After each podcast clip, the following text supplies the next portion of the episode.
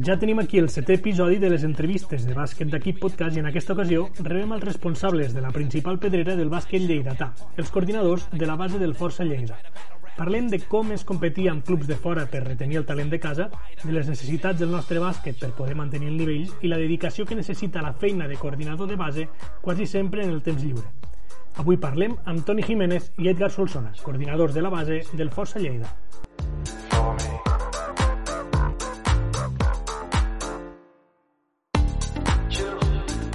Temps que hi és. Mm -hmm. eh, jo fa, pues, ara serà la sisena, la temporada que ve, si tot va bé, serà la sisena. Mm -hmm. I res, vull dir, jo venia de d'estar a l'antic Lleida Bàsquet, eh, ara fa uns 13 o 14 anys i, bueno, quan es va crear el Força Lleida i Lleida Bàsquet va deixar la seva activitat, doncs vaig passar a la base del Força Lleida -huh. Porto des de l'inici i des de fa uns 5 anys. Primer vaig començar un parell d'anys amb cistella petita i després fins ara cistella gran. Doncs és el que, el que porto coordinant al club. Uh -huh. I tu, Ter? Per la meva part, bueno, porto de quan vaig acabar la meva etapa de jugador a júnior, eh, vaig fer cap al picat, vaig estar un any entrenant al picat, allí vaig començar a entrenar i l'any següent ja vaig començar a combinar no? el picat, i Força Lleida. I porto mm. des d'aquell de, des any.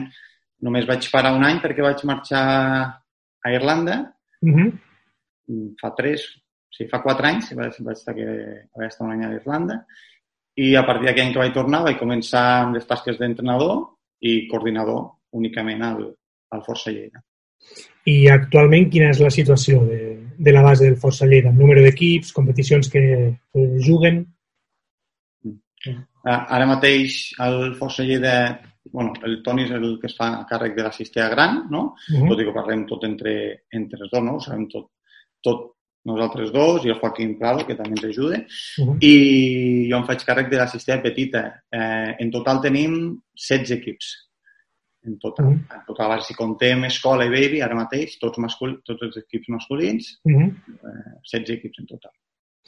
L'altre dia, bueno, de fet va sortir l'altre dia l'entrevista amb la coordinació del, del Club Bàsquet del Puig, amb el Sergi i amb, amb l'Isaac, i ells ens contaven no? que ells com, a, ells com a club tenen un objectiu amb la base, que és un objectiu únicament formador i de que els nens del poble puguin jugar sempre al club, a excepció de que tinguin, doncs, que els truquin el Força Lleida o a les nenes el CB Lleida. Eh, quin és l'objectiu que té la, la base del, del Força Lleida? Suposo que també aquest objectiu formador, però no sé si hi ha un punt més de, d'intentar tenir un nivell, un, un nivell més alt. Bueno, la veritat és que veient l'entrevista del Sergi i l'Isaac, uh -huh. eh, a mi me donava la sensació de que el Sergi i l'Isaac podien estar coordinant perfectament a la nostra base, perquè la seva mentalitat és molt semblant a la nostra, que és la de formar el jugador el millor possible Sí que és veritat que nosaltres tenem a, a dalt de tot un primer equip que hem d'intentar que els jugadors surtin el millor preparats, ja sigui per jugar al primer equip i si no, doncs, com està passant en els últims anys, per jugar al Copa Catalunya o mm-hmm. per jugar en el seu moment a l'EVA amb el Pardinyes. Uh mm-hmm. -huh. I, I aquest és el nostre objectiu, que els jugadors que surten de la nostra base surten el millor formats possible i independentment del número de partits que hagin guanyat o perdut eh, al llarg de la seva formació amb nosaltres. Suposo que la, la sensació d'un coordinador, sobretot eh, per tu, Toni, que portes més anys, quan un jugador que ha passat per totes les etapes del club, doncs, ara ve el cap, per exemple, Rubín de Celis, i arriba a debutar i a formar part d'una plantilla d'un primer equip, la sensació és d'un objectiu complet, no? Sí, sí, sí, la veritat és que sí. Eh, i ja no només el, ja no només el Marc, que, mm. que va, poder estar, va poder estar molts anys amb el, amb el primer equip, mm. eh, sinó és que he tingut la sort de, de a tots els jugadors que han acabat, eh, o pràcticament la majoria de jugadors que han acabat jugant al Copa o que han acabat jugant al, mm. a, a l'EVA en el seu moment, de, de poder haver estat el seu entrenador i normalment a, a júnior. I això, doncs, bueno, te dona un, donar un, una, una, certa, no? una certa alegria no? que, puguin, que puguin arribar el més lluny possible. I tenim també el cas del, el cas del Marc Martí, del Lafu, del Jordi. Bergadà, no? que, sí, sí. que del, del Víctor, que en el seu moment pues, també van tocar el, van tocar el primer equip i, bueno, sí, la veritat és que per això treballem, però també per lo que te deia, per la resta, que si la resta no arriben a tocar-lo o no arriben a categories més altes, que arribin al màxim nivell que puguin. I nosaltres, mm. feliços. És, és veritat, això que em dius, no? l'objectiu és que arribin al màxim possible, però des de l'afició, sempre que es parle del Fossa Lleida, doncs sempre s'espera que hi hagi presència lleidatana. Aquesta pregunta és pels dos, perquè tant tu dintre la coordinació com l'Edgar, que ha tingut etapes en les que ha estat al, a dintre de l'estaf del primer equip, no sé quina considereu vosaltres que pot ser el motiu pel qual, tot i que hi ha hagut noms de jugadors que han estat doncs, vinculats amb un altre equip però formant part de la plantilla, cap ha estat capaç de, de quedar-se sent un, una part, no dic important, però una part de tenir minuts, de jugar, de, de poder tindre una mica més de confiança al, al primer equip del, del Bé, eh, bueno, a veure, hi ha diverses coses, no? Primer que, que el salt a, a ser professionals és un salt molt gran. Vull dir, quan surts de la base de Junior Força Lleida a que tens 18 anys, no? al sala professional, a l'EPOT, que, com bé saps, és un nivell físic, un nivell tècnic, un nivell tàctic molt elevat, el salt és molt gran. Llavors, ens ha anat molt bé a Lleida, no? A tots plegats, tindré un Copa, tindré un EVA, perquè el procés per al jugador és molt més natural, molt més progressiu. Uh -huh. eh, nosaltres estem en una situació ara mateix aprofitant al màxim els recursos que tenim. No? Quin, quin és el plus, no? Quina és eh, la marge de millora que tenim? Doncs millorar nosaltres mateixos no? com, a, com, a, com a organització a nivell d'entrenadors, a nivell de jugadors, eh, millorar nosaltres mateixos, créixer en aquest sentit i, evidentment, el que tots sabem, no? un impuls econòmic, no? apostar per la base, perquè al final eh, cap dels que estem aquí ho estem fent per un, per, perquè ens dediquem plenament a això, no? sinó que tenim les altres coses. Mm -hmm pues, un, un, un impuls econòmic que és molt difícil, és molt difícil, no? Que, pues, bueno, canteres com la Penya, com el Barça, pues sí tenen clar. Però és que el salt de júnior a l'Eport ara mateix és molt complicat, tots ho sabem. Ja t'he mm. dit, són fonamentals els papers, el paper de l'etapa aquesta, no?, de, després de eh, júnior, no? I que mm -hmm. també estan fent l'Alpicat i, i el Pardins. Mm -hmm eh, amb això que em deies ara, no? vosaltres, al final, clar, vist des del punt de vista del que veu bàsquet aquí a Lleida, veu la base del Força Lleida i diu, bueno, la base del Força Lleida. Però, clar, si et a pensar, vosaltres competiu amb bases com el Manresa, per no dir ja el Barça i la Penya, no? bases d'equips molt importants amb cantera.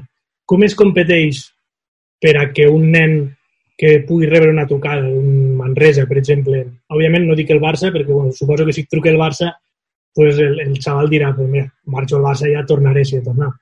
Però per, per poder fer que el, el nen es quedi aquí a Lleida o, o, o, o impedir que, que pugui marxar amb un altre, amb un altre club per formar-se? Bueno, eh, nosaltres creiem, relacionat amb el que ha dit l'Edgar, uh -huh. doncs que el tema, del, el tema de, de l'economia és, és fonamental perquè també influeix a que puguis arribar a competir millor. Eh, si aconsegueixes tenir becats a jugadors, doncs és possible que primer puguis retenir a jugadors que ja tens no? i que creus que són projectes i que poden continuar formant-se esportivament aquí. Mm -hmm. Ojo amb això perquè és important, perquè estic dient que puguin continuar formant-se esportivament aquí, és a dir, que tinguem el nivell per a donar-los-hi no? eines per a millorar molt més la seva formació de lo que ho farien en un altre lloc. Mm -hmm. eh, llavors, el tema de l'economia és, és, és vital, és fonamental i, i la veritat és que, claro, eh, competir ara mateix no? doncs contra Manresa, contra aquests clubs que has dit, contra Manresa, contra Barça i Penya, Barça i Penya jo crec que estan a un altre nivell. Sí. Però, però Manresa no ens falta tant per arribar al nivell del Manresa i seria el que, el que t'hem comentat, l'Edgar i jo, mm -hmm. aquest, aquest impuls econòmic. I creieu que això és, és possible amb un curt termini aquí a Lleida? Bé, són, bé, són coses, penso que no, no depenen directament de nosaltres, no? No, eh, no, em refereixo dins, dins del bàsquet lleidatà, eh, no del club. El Força Lleida al final té uns, uns límits que tindrà econòmicament que jo desconec i tampoc som No, pod pod podria ser, sí. Mm, podria ser, sí, podria ser. Uh. -huh. Però ara mateix nosaltres hem d'intentar optimitzar els recursos que tenim, no? I per això uh. -huh. treballem. I, I no només, és un tema important, no? No només nosaltres, sinó com, com ja has nombrat a l'entrevista, doncs, teni, eh, a l'entrevista passada, diria, que amb els de Bellpuig, no? amb els companys, mm -hmm. amb el Sergi, amb l'Isaac, no només Bellpuig, sinó és, és l'objectiu de Bellpuig, és l'objectiu de, de Capon, és l'objectiu de Maristes, és l'objectiu de Alpicat, etc etc etc. no? Hauria de ser un, ha de ser un objectiu col·lectiu i crec que entre tots, no? amb els recursos que tenim tots, intentem, estem, estem intentant fer el millor possible. I, home, que surtin Marc Martís, Víctor Vinós, Albert Lafuentes, home, mm. doncs pot estar millor? Claro, claro que pot estar millor. Podem donar-li un impuls entre tots? Sí, però, bueno, hem de valorar també el que tenim, no? De valorar el que mm. tenim. Em comentàveu també el tema d'entrenadors. De, Eh, com treballa la, la base del Força Lleida amb els entrenadors? Teniu un objectiu eh, de tindre com una marca personal, que també els hi comentava als, als companys de Bellpuig, una marca personal que es treballi d'una manera concreta, uns paràmetres concrets. Com ho feu? Nosaltres, la veritat és que primer que cada temporada intentem, intent, primer, estem molt contents amb el, amb el nivell dels entrenadors que tenim, estem molt contents. Mm -hmm. Això no vol dir que cada temporada no treballem per intentar millorar, per intentar, intentar millorar aquest nivell, ja sigui a base de, de formacions internes nostres, que, que moltes vegades més que formacions el que fem és parlar entre nosaltres de bàsquet per intentar créixer tots, més que sentar càtedra. I després, en quant a el que m'has preguntat, eh, el que ens has preguntat, eh, la nostra filosofia és que els jugadors treballin tècnicament. És a dir, donar-los recursos tècnics als jugadors per a que després tots els hi sigui molt més fàcil a nivell de, de tàctica individual o, o a nivell de tàctica col·lectiva. Aquesta és la nostra senyal d'identitat. Llavors, moltes vegades el que, el que es veu des de fora, no? la gent diu oh, és que no es passen la pilota, no? que, que és algo que, que sentim molt. Però és que el nostre tipus de formació fa que el, el passe no sigui tan important, que ho és molt i es treballa Eh, però el que volem és fomentar el talent individual del jugador i això se fa amb la pilota a les mans normalment. Uh -huh. Llavors, la nostra senya és aquesta, molta tècnica individual, eh, donar molt treball de desig i de pressió a tota la pista dels equips que siguem agressius al davant i al darrere uh -huh. i, i això és el que busquem una mica com a club. En relació també, seguint una mica amb el tema, amb el, amb el nivell dels entrenadors, tant a la vostra base com a, a Lleida en general, és obvi que si millores el nivell dels entrenadors, millores, en principi, el nivell dels, dels jugadors. Com veieu vosaltres la situació dels entrenadors de bàsquet de base? Perquè a mi em fa la sensació una mica que, que pot estar una mica infravalorat, sobretot des del punt de vista del que no està vivint el, el dia a dia d'un equip de base, no? Bueno, doncs és un xaval de 15, 16 anys, a vegades una mica més jove, que té els nens un rato i, i ja està. No? no sé si, si hi ha una, des de federació, des de clubs, una, una formació continuada que ajudi a millorar això, per, per millorar el nivell del bàsquet. Buscar entrenadors i buscar entrenadors que els agradi no? i, que, i que, que els apassioni el bàsquet, perquè és el que tu, com bé dius tu, no, el 99,9% no viuran d'això, no? I i tenen els seus estudis i ho han de combinar amb les seves carreres i ho han de combinar, molts són jugadors. És, és, és T'ha d'agradar, 1. T'ha d'agradar. Eh, eh... De, fet, de fet, són exemple, fins fa no gaire, al Força Lleida, l'entrenador del primer equip, com, com validar de feina amb l'entrenador i el del Pardinyes també, com validar sí. de feina amb, amb l'entrenador. Vull dir que... Doncs imagina't, si això està passant a, a l'Eport i a l'Eplata, sí. doncs imagina't els entrenadors que comencen, no? Ja agrada molt eh, i després han de tindre continuïtat, no? Perquè te pot agradar molt durant un any o durant dos anys, però després has de tindre l'hàbit de que t'agradi eh, sí, any rere any, rere any, rere any. Bueno, has de gestionar moltes coses, has de gestionar grups, has de gestionar bueno, tot, tot l'entorn d'un equip que no és fàcil, que, que, que sembla fàcil, no? A vegades des de fora, eh, nosaltres valorem molt els entrenadors que, que s'animen amb, amb 18 o 19 anys i que diuen, ostres, vull entrenar, no? Els hem de valorar i, i com fer-ho, no? Doncs ja busquem estratègies dins del club per, bueno, que, que ajudi a un altre equip, que li pugui motivar una miqueta més. Intentem ajustar doncs, també el perfil dels entrenadors, no? Quin, quin tipus de... les característiques de l'entrenador i què, què més el convindria. Sí, intentem. Mm -hmm i des de la federació també sé no? que, que estan intentant ara amb la formació online, uh -huh. és un nou projecte que han tret ara, que és molt interessant perquè ajudarà als entrenadors, bueno, almenys els hi facilitarà les eines, no? En principi, perquè moltes vegades els cursos ara que teníem era complicat combinar-ho amb els estudis i amb les possibles feines que, que tinc, doncs ara una mica amb això crec que pot ser molt útil en els propers anys. Ve, veurem, veurem. veurem. -huh passem ara una mica, una, una mica més, un tema una mica més actual. Aquest confinament, aquesta, aquesta aturada de l'esport de base, com l'heu viscut des de la coordinació del club?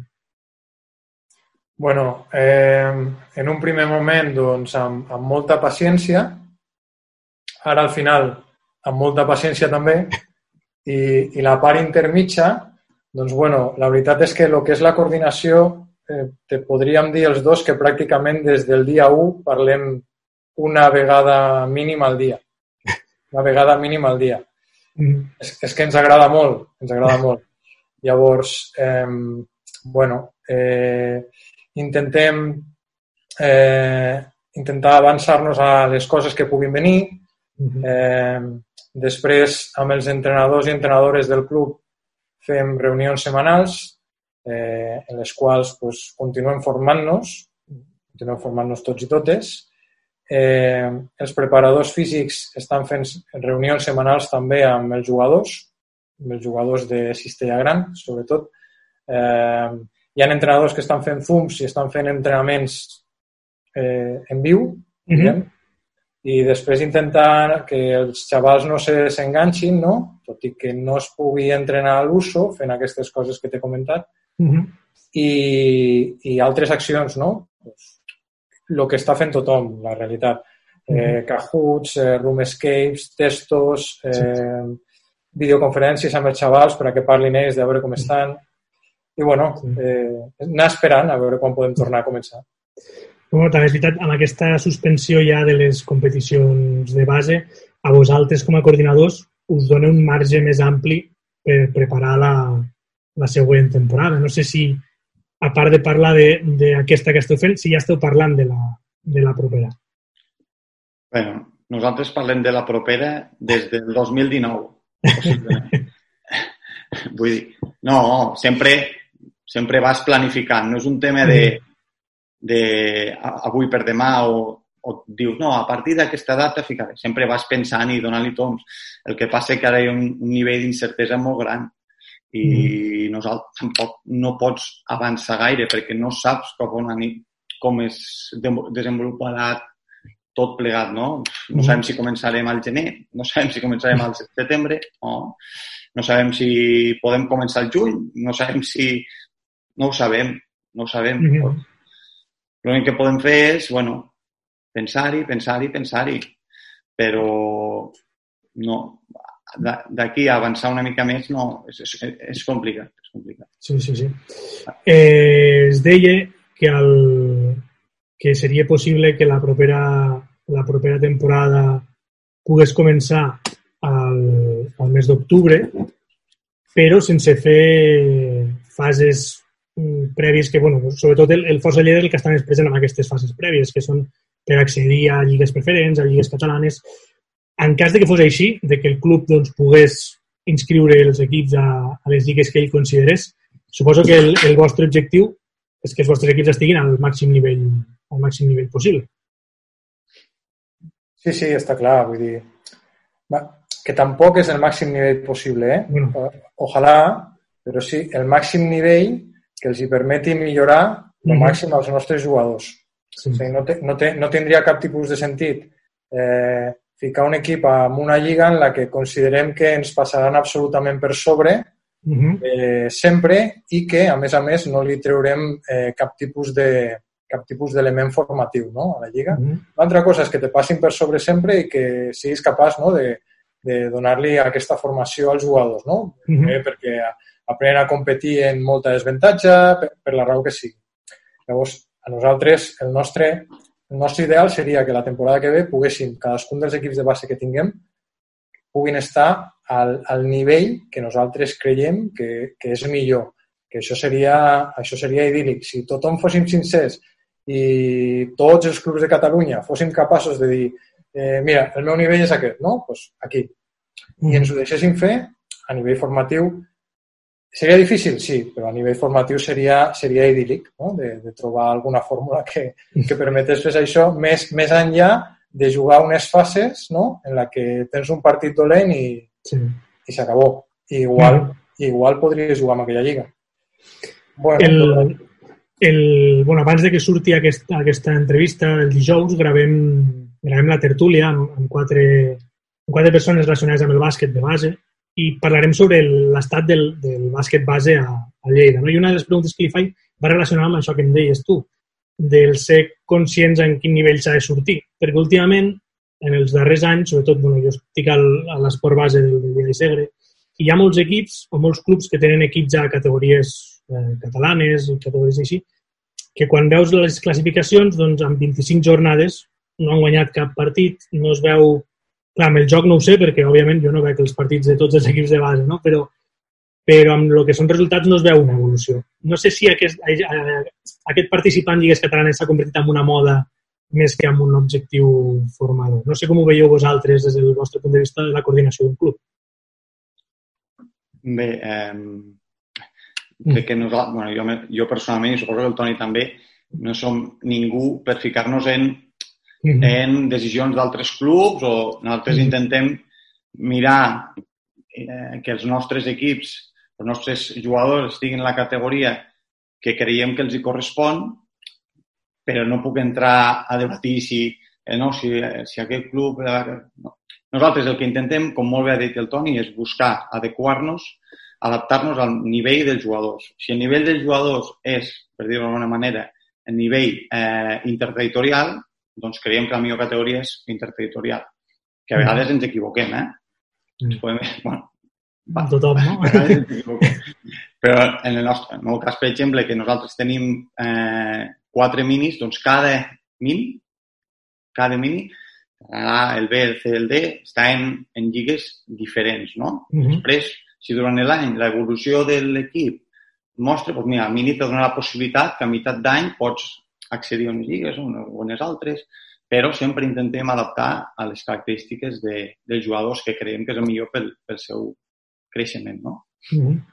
I per últim us volia preguntar un dubte que tinc jo personal, perquè entenc que, el, que la base del Força Lleida hauria de tenir els, els, els que vosaltres considereu els millors jugadors de la província, o al mínim intentar tenir-los, quan bàsquet de base veieu vosaltres amb una, amb una temporada? Doncs... Eh... Primer tu, Toni, eh? Primer jo, eh? eh? La coordinació veu molts partits de base, molts, molts partits de base, molts partits de base, i de totes les categories i, i, i femenins també, que no, que no ens ve, però també, també, eh, perquè al final és el nostre bàsquet. Uh -huh. Vegades vas a veure partits ja no perquè tinguis interès en si hi ha un xaval que destaca o no, no? sinó simplement perquè uh -huh. tens una, sents, passes per davant d'un pavelló, sents una pilota, entres i te quedes a veure el partit.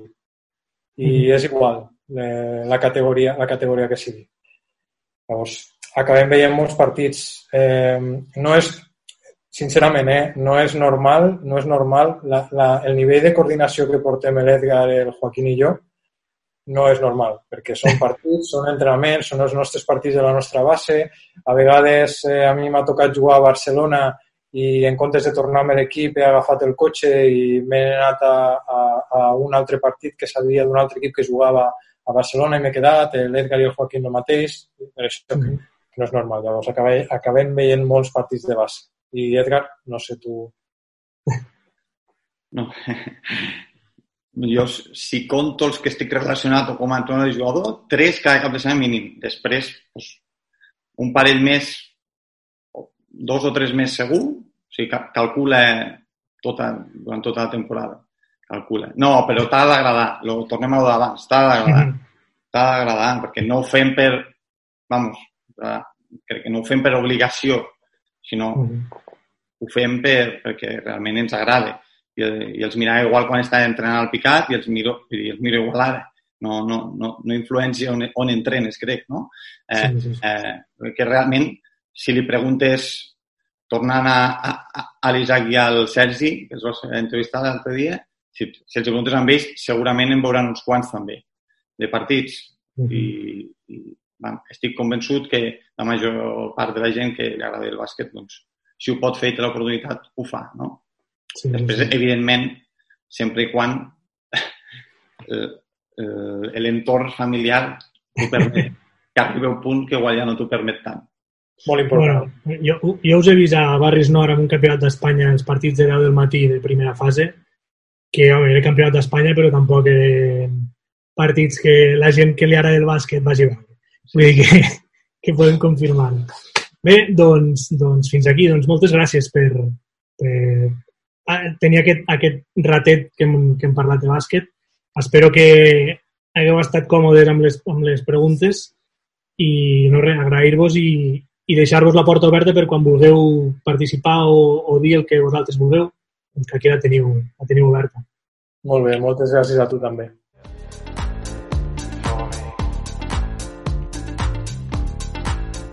I fins aquí el setè episodi. La pròxima setmana parlarem amb un directiu bé, de fet, amb el president d'un club de la província que va prendre les regnes del club del seu poble compaginant-ho amb la feina de tècnic en altres clubs lleidatans.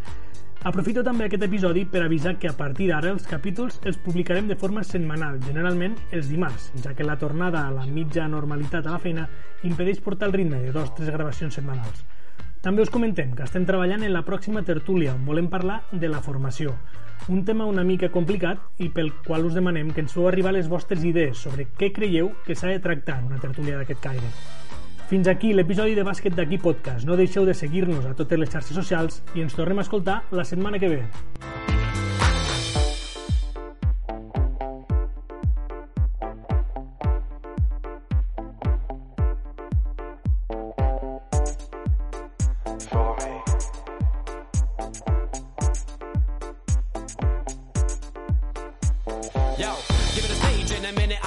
You. El is in the house, let me teach you. I could defeat you with two hands tied and have you waking in the hospital like, who am I? And who are you? Who are they? What is this? You wouldn't believe how someone react to this shit. The mind slips, slips, slipping, speaking in tongues. Sly ink, GVA, that's how we get it done. Uh, that's how we get it done. Uh, that's how we get it done. Uh, that's how we get it done. Sly ink, GVA, that's how we get it done. Uh.